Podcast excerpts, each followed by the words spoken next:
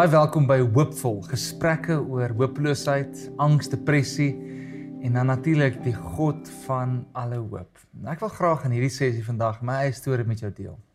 Maar ek wil eers vir jou lees uit Psalm 18 uit wat die volgende sê. Hy het gesê ek het U baie lief, Here, my sterkte. Die Here is my rots, my skuilplek en my redder, my God, my rots by wie ek skuil my skild en my sterk verlosser, my veilige vesting. Onder bespotting roep ek na die Here, dan word ek vir my vyande verlos. Bande van die dood het my omsluit, strome van onheil het my verskrik. Bande van die doderyk het my vasgetrek. Strikke van die dood het my bedreig. In my nood roep ek na die Here, ja ek roep om hulp na die Here. In sy paleis hoor hy my geroep. Ek roep na hom om hulp en hy luister na my. En dan vers 17 van bo af het hy sy hand uitgestrek en my gegryp, my uit geweldige waters uitgelig. Nou hierdie is een van die mooiste psalms waar Dawid in in angs en in nood verkeer het. Hy is natuurlik gejaag deur Saul en, en hy moes wegkruip vir sy lewe, maar hierdie praat nie net van fisiese nood nie. Hierdie praat ook van emosionele nood. Ek het vir omtrent 15 jaar in my lewe het ek hierdie woorde self beleef waar dit gevoel het of die dood my omring het asof ek in die struik was en ek kon net nie daaruit kom nie. Aan en af. Ehm um, my depressie stryd het begin so omtrent in 1998 waar ek eerste keer Eh, toe ek deur 'n groot liefdesteleurstelling was, ehm um, beleef het hoe ek met angs begin sit het, hoe ek skielik depressiewe gedagtes begin kry het. Ehm um, ek het groot geword in 'n wonderlike huis met twee pragtige ouers wat lief is vir my. En toe ek 14 jaar oud was, het ek waarlik tot bekering gekom. Ek het my lewe vir die Here oorgegee. Maar ehm um, trends so 4 jaar na dit, 5 jaar na dit, het ek die eerste keer te met hierdie gevoelens begin sit. En ek nog altyd as 'n baie gelukkige kind groot geword en en um, ek het, ek is ek is regtig vervuld geleef, maar vir eerste keer in my lewe moes ek met hierdie emosies begin handel. En ehm um, uiteindelik in 2004 het ek die heel eerste keer in 'n hospitaal geëindig na 'n groot amper half senuwee instorting gehad het. Ehm um, waar ek op medikasie moes begin gaan, ek moes 'n sielkundige begin sien en ek moes begin hulp kry. Natuurlik was dit vir my 'n ontsettende ehm um, gewaarwording. Dit was hierdie onsekerheid van wat gaan nou hier binne in my aan. En ehm um, vir 'n goeie, soos ek sê, 15 jaar aan en af, ehm um, is ek met hierdie ding gekonfronteer. Daar was sekere jare wat ek glad nie probleme gehad het nie en dan ander jare waar dit weer teruggekom het. Dit was meestal het dit gekom in my geval deur diep teleurstellings wanneer dit by verhoudings gekom het. En eers later in my lewe het ek ontdek dit was nie net winnig net die verhoudings nie, maar die feit dat ek nie suksesvol daarin kon wees nie. Een van die diepste wortels van my depressie was in perfeksionisme geleë. Ehm um, ek sê 'n individu wat altyd hou daarvan om goed goed te doen. Ek hou van uitnemendheid en ek en ek glo uh, wat ek al ek vir die Here wil doen, wil ek goed doen.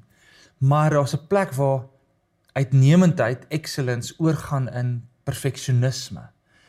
En en dis nie gesond nie. En dit het my lewe verwoes. Dit het gemaak dat ek baie keer so hard op myself was en myself baie keer gehaat het wanneer ek 'n fout gemaak het en wanneer ek in ander dele van my lewe sukses beleef het, maar nie die een area veral van verhoudings nie kon nie, het ek myself gekastei en was ek hard op myself.